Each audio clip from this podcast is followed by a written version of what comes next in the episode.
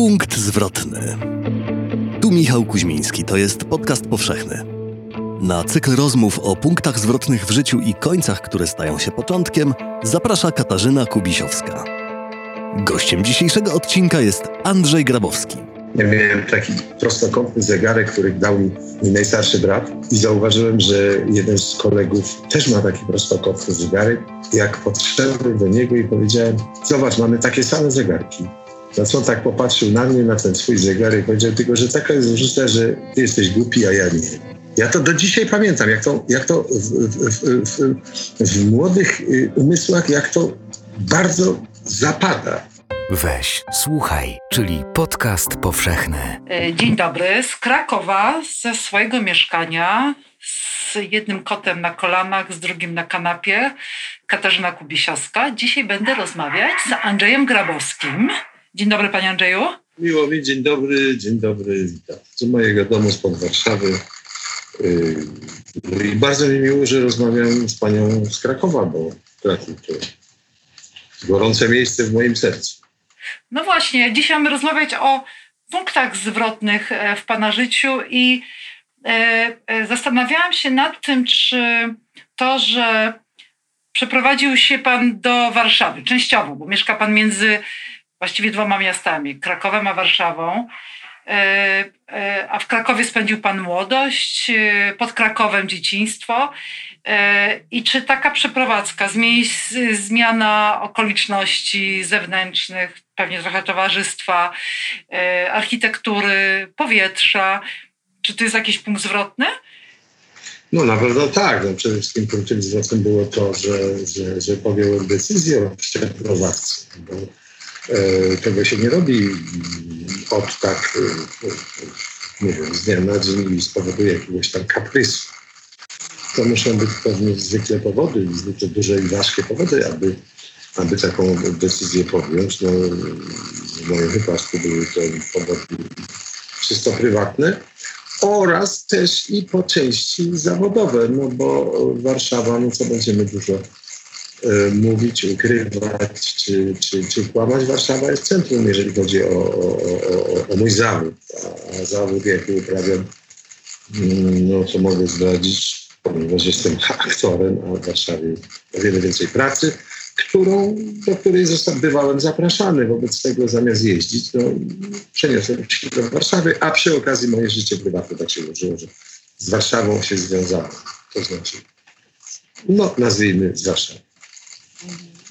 Panie Andrzeju, a jakby pan miał powiedzieć o tych pierwszych punktach zwrotnych, bo, bo Warszawa to już jest dorosłe życie, ale o tych, mm, tych pierwszych to, to ten, który przychodzi najpierw panu do głowy, to jest jaki? Ja w ogóle uważam, że wszystkie punkty zwrotne w życiu, nie tylko moim, ale i każdego człowieka, e, to, to są niepowodzenia, które on które spotyka na swojej drodze.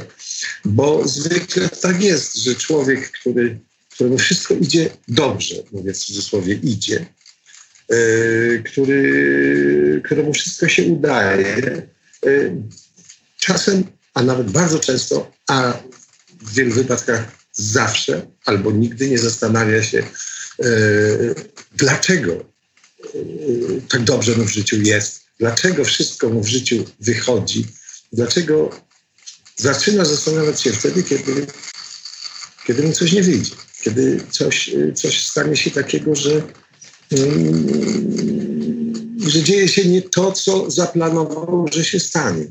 I wtedy zastanawia się, dlaczego tak się dzieje. I zwykle po, takim, po, taki, po takiej analizie dochodzi do jakichś wniosków. No i te wnioski czasem są mm, takie, które które rzutują na późniejsze życie, ponieważ jest mądrzejszy o to jedno niepowodzenie, mądrzejszy o to drugie niepowodzenie, o to trzecie niepowodzenie. I czasem ta, ta suma niepowodzeń daje olbrzymią naukę życiową, mm.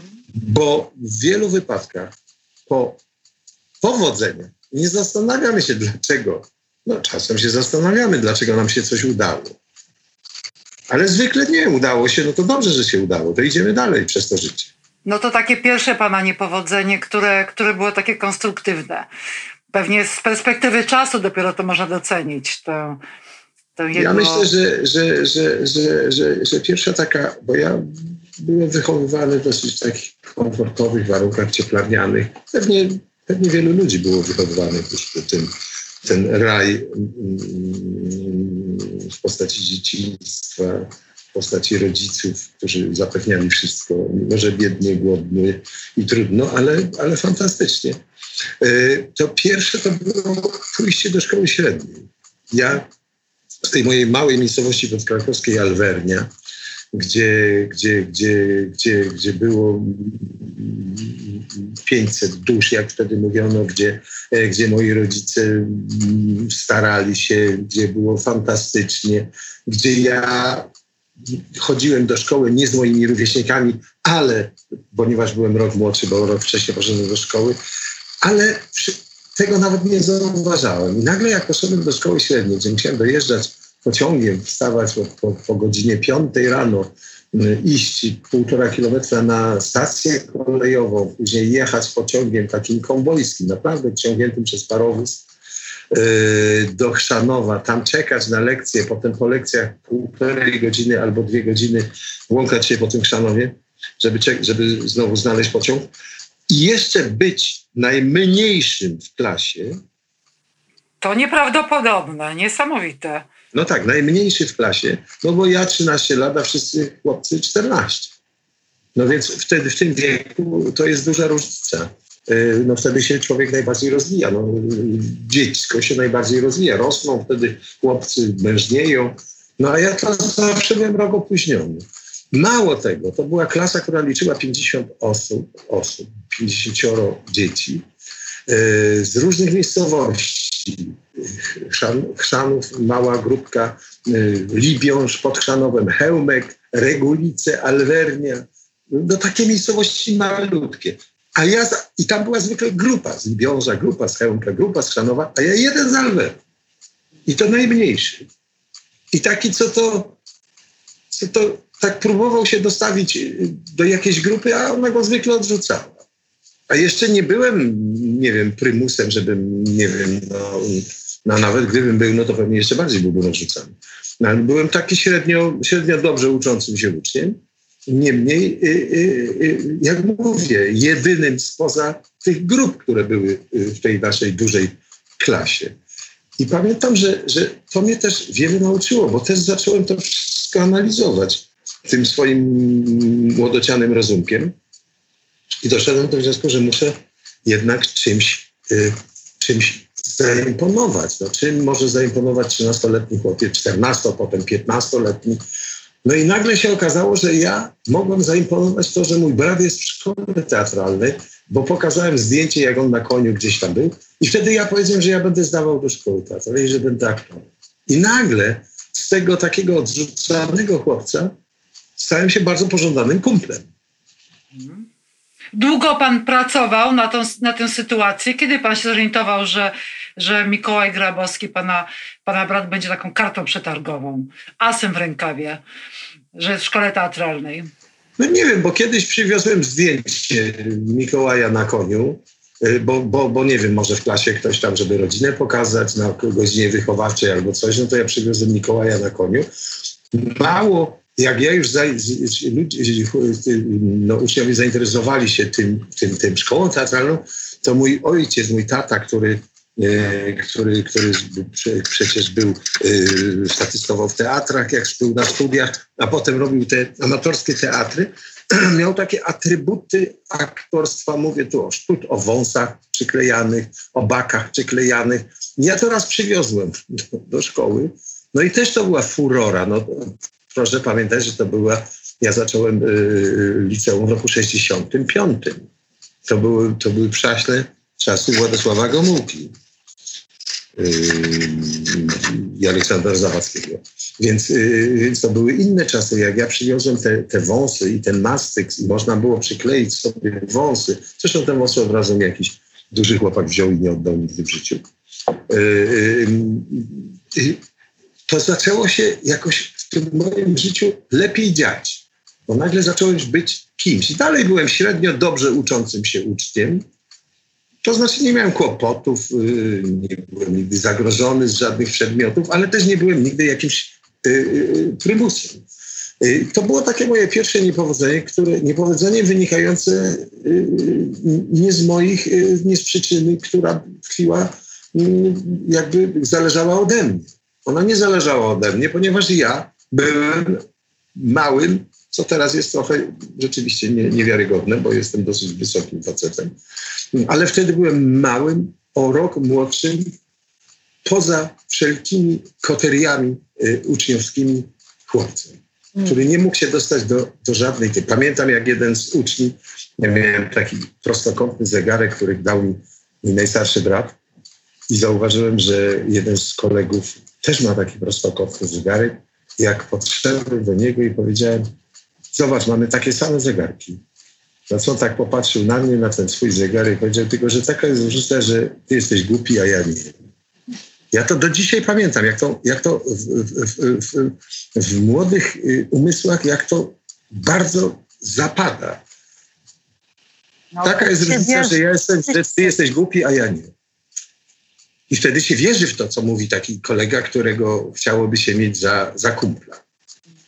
A czy pan wtedy w tej szkole średniej już, już recytował yy, na akademiach wiersze? Czy, nie, czy... nie, nigdy. Ja pierwszy raz w życiu mówiłem wiersz czy prozę na egzaminie do szkoły teatralnej.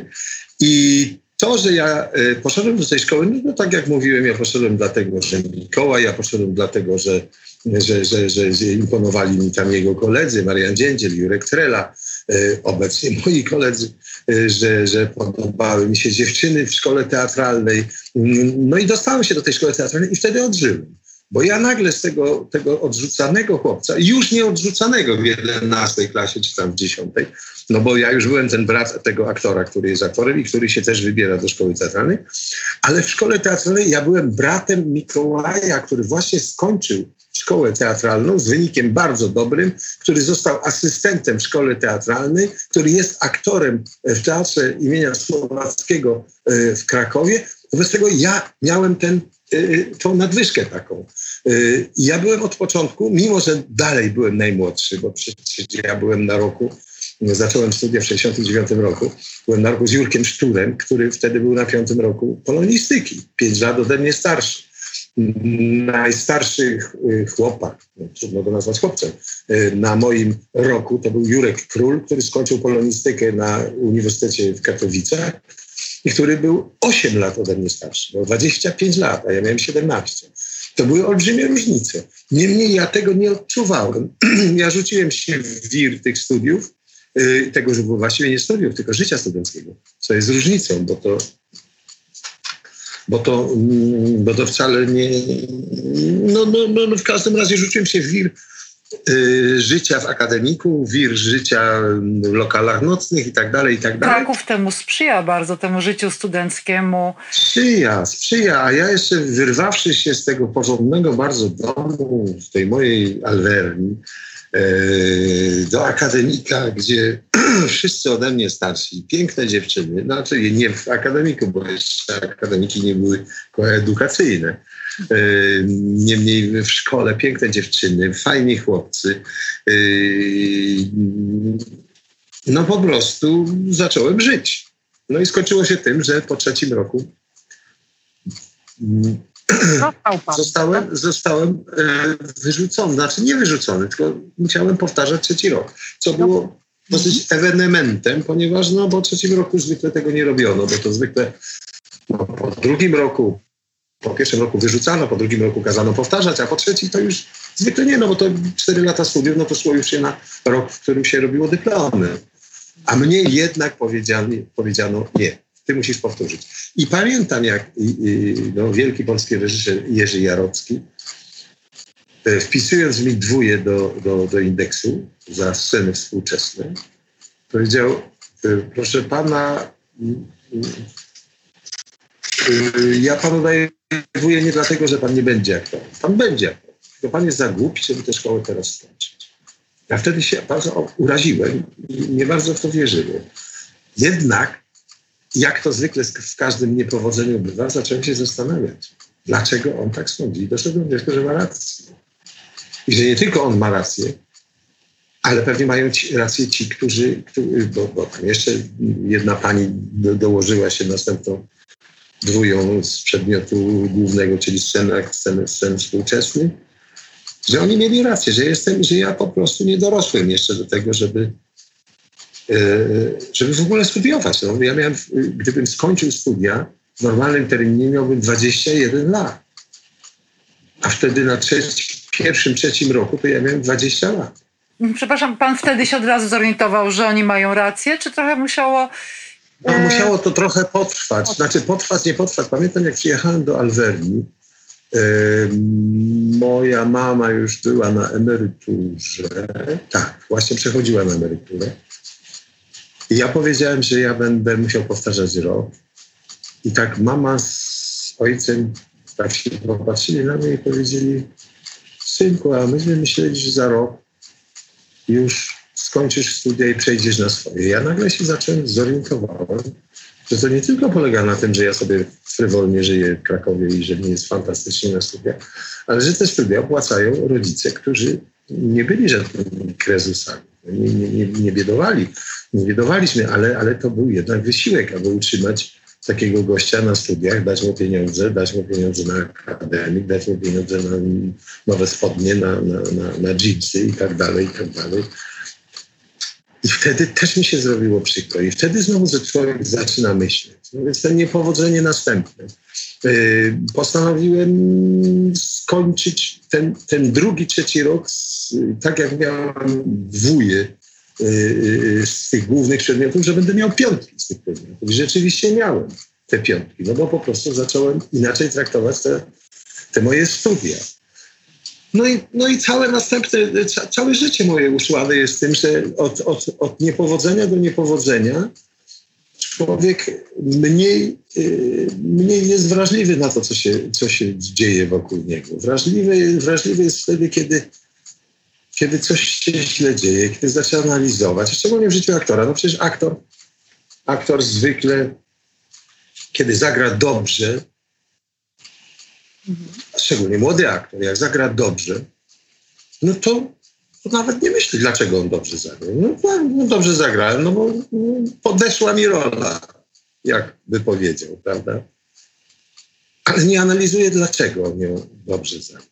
A jak źle zagra, zaczynam i wszyscy mówią, że zagrał koszmarnie i on sam wie, że zagrał koszmarnie. Wtedy zaczynam myśleć, dlaczego tak się stało. Co ja przegapiłem w tej roli? O czym ja nie pomyślałem? Czego ja nie przeanaliz przeanalizowałem? I jak było tak, jaka taka rola, którą pan zagrał, była właśnie w ten sposób odbierana? Która przez, przez krytykę czy przez publiczność Taka, gdzie po prostu właśnie była czymś, e, co ten feedback z zewnątrz e, był dla Pana zaskakujący albo frustrujący. Zaskakujące było dla mnie przede wszystkim to, że, że ja jak skończyłem też szko szkołę teatralną krakowską i zostaliśmy zaangażowani do Teatru Słowackiego, piątka Renata Kretówna, Janek Prochyra, Jurek Kryszak, Janusz Świerczyński i ja. I y, wiedziałem, że no, powinniśmy zacząć grać, prawda? No ale ja, który miałem bardzo podobne warunki do Jurka Kryszaka wtedy, y, wiedziałem, że no, dla, dla naszej dwójki nie będzie aż tylu ról, że to będzie dla jednego człowieka. No i y, zacząłem się, znaczy nie musiałem się zastanawiać, bo nagle zaczął Jurek grać.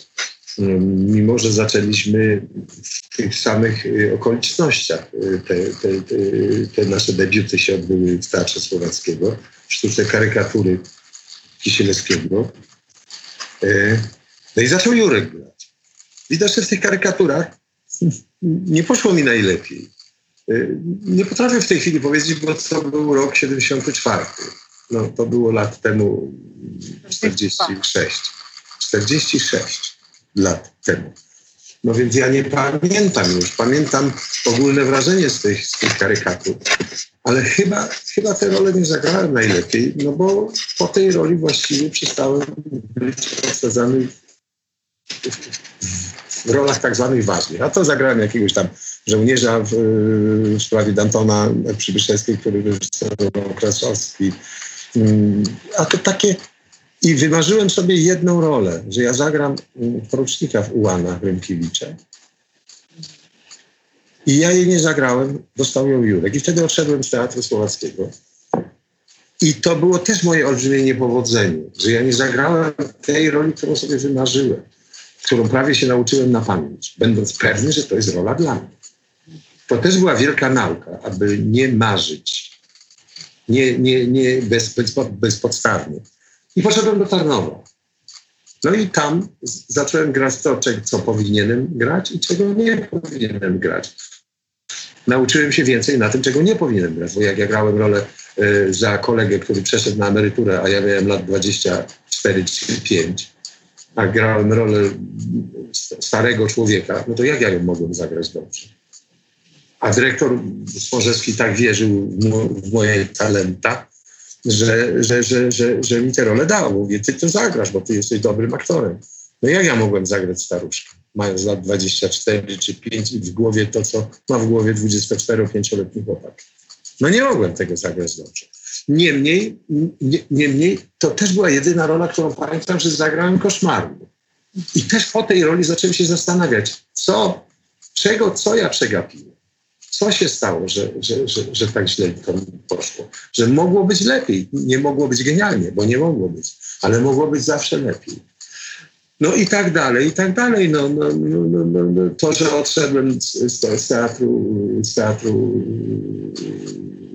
w Tarnowie w połowie sezonu, to też była jakaś nauczka dla mnie. To też była nauczka, że, że, że, że, że, że może nie należy tak postępować, jak postępowałem. Nie było to nic bardzo zdrożnego, ale zacząłem się stawiać, zacząłem dowcikować, zacząłem próbować e, żartować publicznie z dyrektora, trochę go ośmieszać i tak dalej. Nie doszło do tego, że on mnie wyrzucił, tylko że on mi dał karę naganę za coś, co według mnie, e, za co nie powinien mi dać nagany. Ja wtedy natychmiast poszedłem i złożyłem wymówienie, ale zostałem na lodzie. I też zacząłem myśleć, może czy ja dobrze w życiu postępuję. Czy tak należy, czy należy być konformistą? Też nie. No ale, no ale może ja rzeczywiście nie powinienem tak y, się odnosić do dyrektora, y, nie powinienem go trochę ośmieszać, wiedząc, że mam sytuację tego pierwszego aktora w Tarnowskim Teatrze. No to znowu była pewna nauka.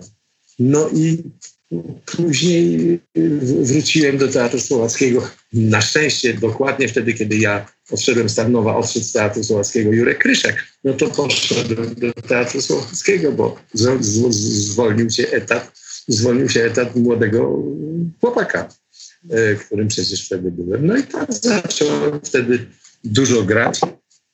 E, przepraszam, bo ja tak cały czas tylko o jednym, czyli o zawodzie. Właśnie teraz tak bardzo mocno dotarło, że ta cała pana droga to jest um, początkującego aktora, to jest walka e, wybraństwa, e, pychy i pokory.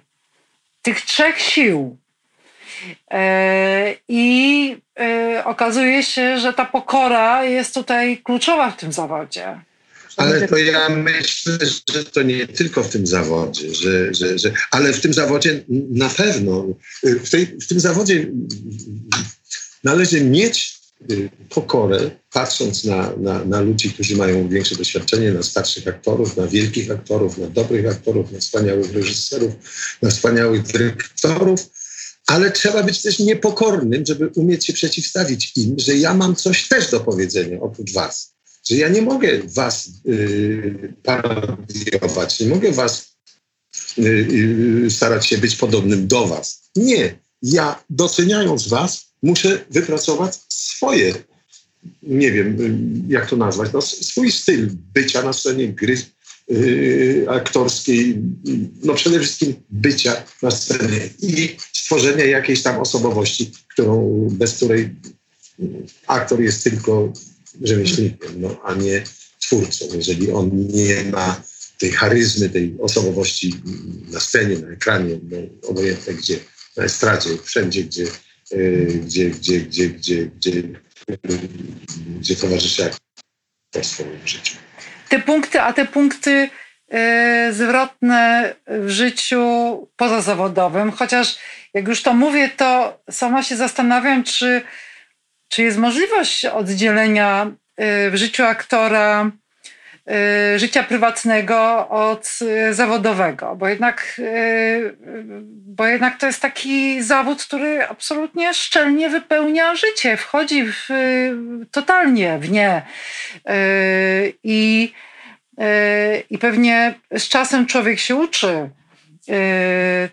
to rozdzielać te dwie sfery, ale chyba nie do końca jest to możliwe. Czy się mylę? No, pewnie nie jest możliwe do końca, ale ja nie potrafię odpowiedzieć na to pytanie yy, obiektywnie, ponieważ, yy, ponieważ ja nie doświadczyłem innego życia. Ja nie byłem nikim innym, tylko zawsze byłem aktorem. Wobec tego mało, że ja byłem aktorem, to ja byłem związany rodzinnie, bo przecież Mikołaj, bo żona Mikołaja, bo moja żona, bo moje dzieci obecnie, bo moja druga żona, która była związana z filmem, bo kobieta, z którą teraz jestem, która jest też aktorką i tak dalej. Ja nie potrafię stwierdzić, bo przecież y, w domu u mnie w pierwszym małżeństwie i, i, i w następnych moich związkach. Zwykle rozmawiało się oprócz tego, co, co, co należy kupić y, na obiad i, i, i, i, o tych tak zwanych przyziemnych sprawach, y, rozmawiało się o teatrze, rozmawiało się o, o filmie, rozmawiało się o, o, o, kolegach, rozmawiało się o tym, jak to zagrał, jak ty zagrałeś, jak ja zagrałam, zagrałem, y, jak ty zagrałaś i tak dalej, co by zrobić, żeby lepiej było i tak dalej, i tak dalej, więc mm, ja nie wiem, czy w rodzinie, gdzie, gdzie, gdzie mąż jest y, na przykład, y, nie wiem, kowalem, a żona jest krawcową, kowal rozmawia o podkowach, a krawcowa o, o pastrykach. Pewnie nie. No pewnie oni oddzielają te swoje zawody. Ja nie potrafiłem ich oddzielać. I bardzo możliwe, że dlatego też to moje życie potoczyło się tak, jak się potoczyło. E, zresztą w ogóle ja zwykle nie mówię o życiu moim prywatnym teraz też pewnie będę unikał e, o, o mówienia o moich niepowodzeniach w moim życiu prywatnym, który każdy posiada. Te niepowodzenia w życiu prywatnym. Każdy, czy jest aktorem, czy nie jest artystą, czy jest szewcem, czy jest kowalem, czy jest lekarzem, czy jest y, nauczycielem, czy, czy, czy, czy, pracuje w sklepie. Mm, każdy w życiu przeżywa swoje wielkie chwile i swoje bardzo złe i słabe chwile. Yy, tyle, że te wielkie chwile, te słabe chwile w życiu aktora, jeżeli stał się jako tako popularnym, stają się tajemnicą wielu ludzi, no, tajemnicą Poliszynela że Grabowski się rozwodzi, Grabowski i tak dalej, Grabowski zostawił żonę albo Grab i tak dalej. A teraz ten sam Grabowski nie może y, zacząć dyskutować y, z tabloidem, nie może dyskutować z paroma milionami ludzi, którzy przeczytali, że, że Grabowski na przykład to zrobił coś złego. No bo, no bo jak ja to udowodnię i tak dalej. Poza tym, dlaczego ja mam w ogóle rozmawiać na te tematy? Ja nie chcę w ogóle, żeby było poruszane moje życie prywatne, a ono jest ciągle poruszane. To też jest pewne, pewnego rodzaju niepowodzenie, znaczy ja nie wiem, czy niepowodzenie, ale to jest ten, ten, ten los aktora, który będąc jako tako popularny, jest na świeczniku. Mhm. Ale ja jeszcze tak wrócę do tego, co pan powiedział o o tych porażkach, które nas budują w życiu e, osobistym, bo, e, bo właśnie to jest ogromna siła człowieka, wtedy się ujawnia, kiedy po porażce, kiedy po jakimś nieudanym związku podejmuje decyzję, żeby y, wejść w kolejny związek i spróbować, y, spróbować dać sobie szansę innej osobie, osobie szansę. Ja w, takich, w takiej perspektywie właśnie też dostrzegam siłę, która może płynąć z porażek, że my stajemy się mądrzejsi. Jeśli tylko potrafimy wyciągać słuszne wnioski e, z takich osobistych porażek. Jeżeli potrafimy z osobistej porażki czy niepowodzenia, który na, które, na pewno rozwód, który jest na pewno niepowodzeniem życiowym, bo to nie ma się z czego cieszyć. Można się cieszyć, że w końcu się człowiek rozwiódł, że, że, że, że nie ma już tego koszmaru mm, tych kłótni, tego, tego niezrozumienia i tak dalej, ale nie można traktować w kategorii yy, nie wiem, no, triumfu jakiegoś, że ja się rozwiodłem. Nie, to jest porażka życiowa, że się człowiek rozwiódł. Więc jeżeli tylko potrafię z tych porażek swoich osobistych wyciągać słuszne, dobre wnioski i potrafi, i, i, i potrafi w następnym swoim związku, bo zwykle tak jest, no, że człowiek kończy jeden związek, zaczyna drugi, no chyba, że staje się pustelnikiem, samotnikiem i tak dalej, i tak dalej, ale zwykle po jakimś czasie zaczyna sobie układać życie na nowo. E, jeżeli nie wyciągnie wniosków, jeżeli nie potrafi znaleźć winy w sobie, Y, że poprzedni związek również przez niego, nie tylko przez tą drugą osobę, ale również przez niego y, został, zakończył swój, swój żywot tak, jak zakończył. Jeżeli nie potrafi znaleźć w sobie tej winy również, no to jest bardzo niedobrze. To, to, to źle, źle, źle rokuje na następny związek. No. Mm, skoro ja rozwiodłem się dwa razy, czyli że ja po pierwszym moim związku E, e, również nie wyciągnąłem aż tak słusznych wniosków, jakie powinienem wyciągnąć. No, rozwiodłem się dwa razy. No, mam nadzieję, że, że, że, że teraz już że teraz już yy, nauka nie pójdzie w las. No.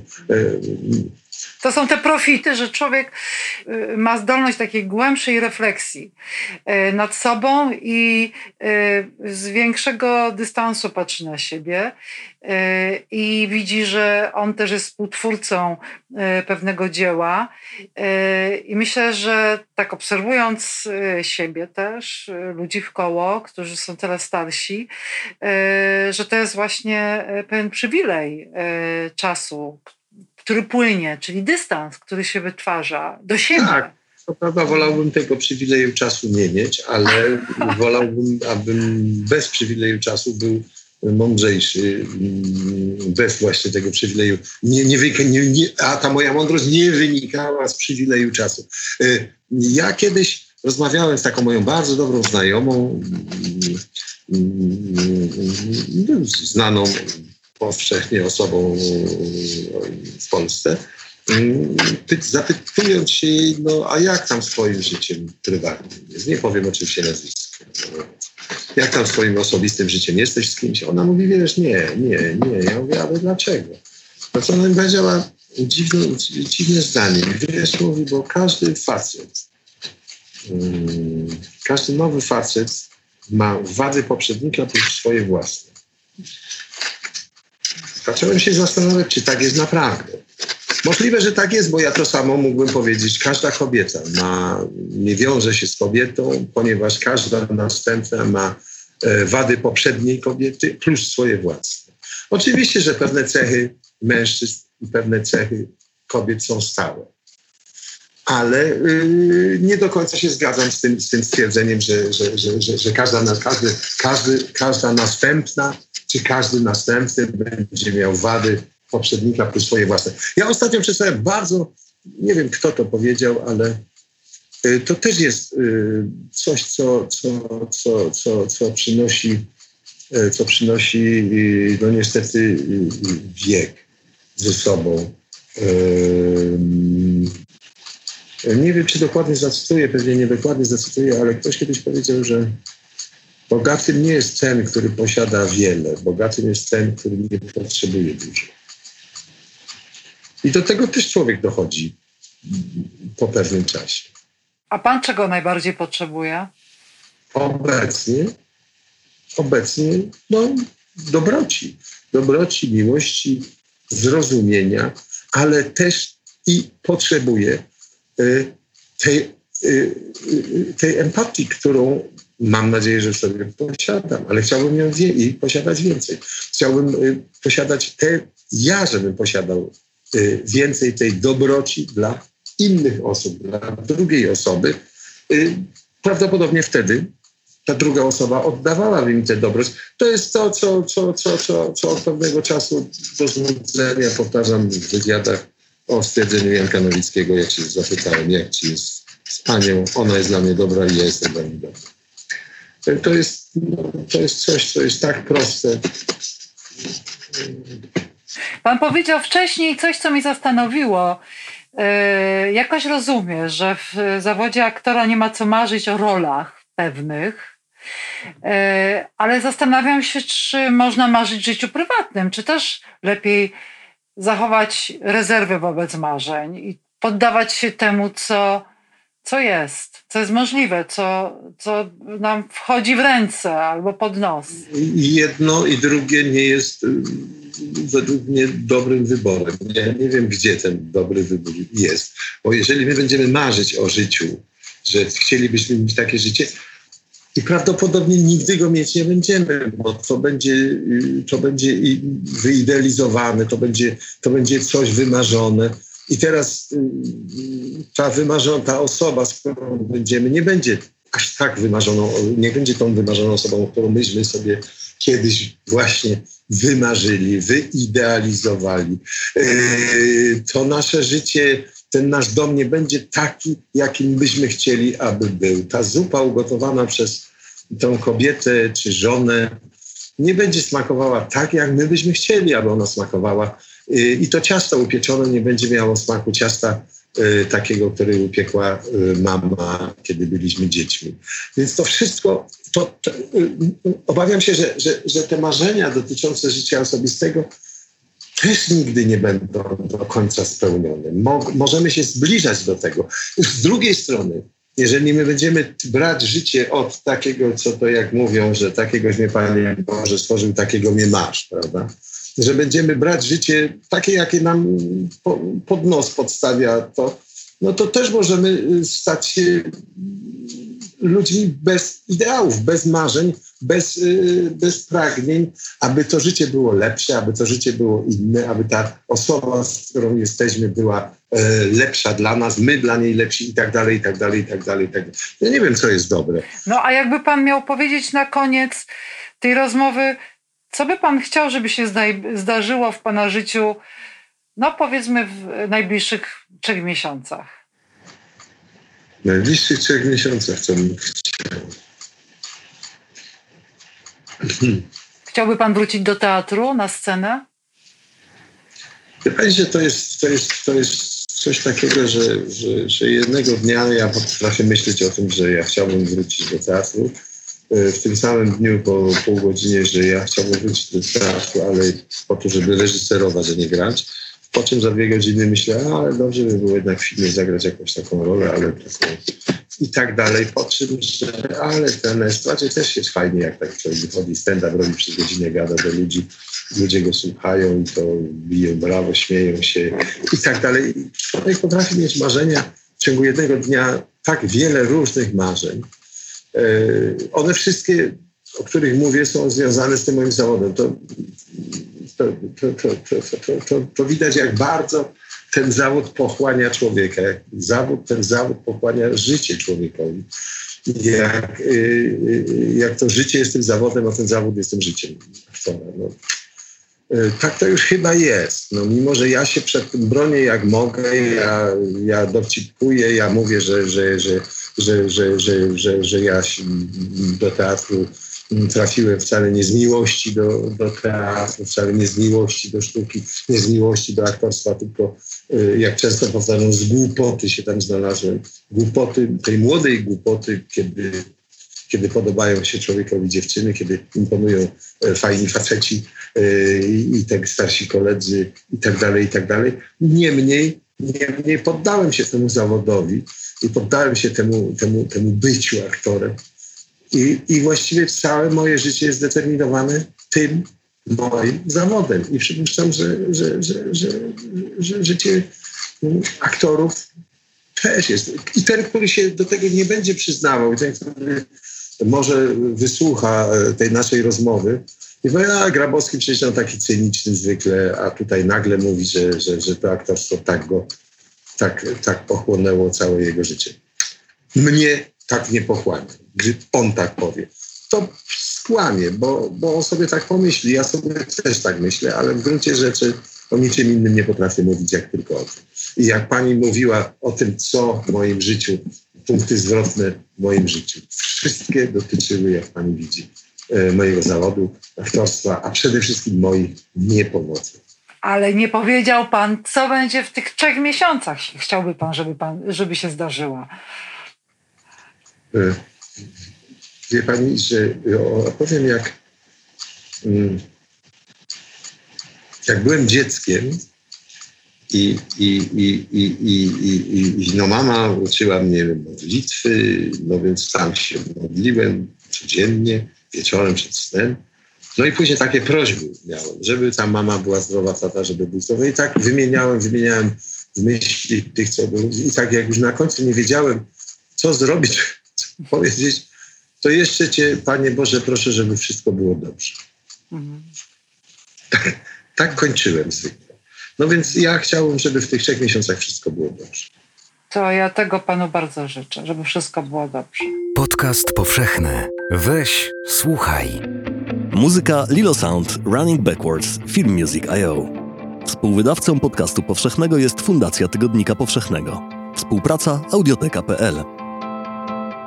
Jeśli słuchają nas Państwo w Spotify albo w Apple Podcast, zasubskrybujcie nasz kanał. Jesteśmy też w Google Podcast i w aplikacji Lekton oraz na www.tygodnikpowszechny.pl/podcast.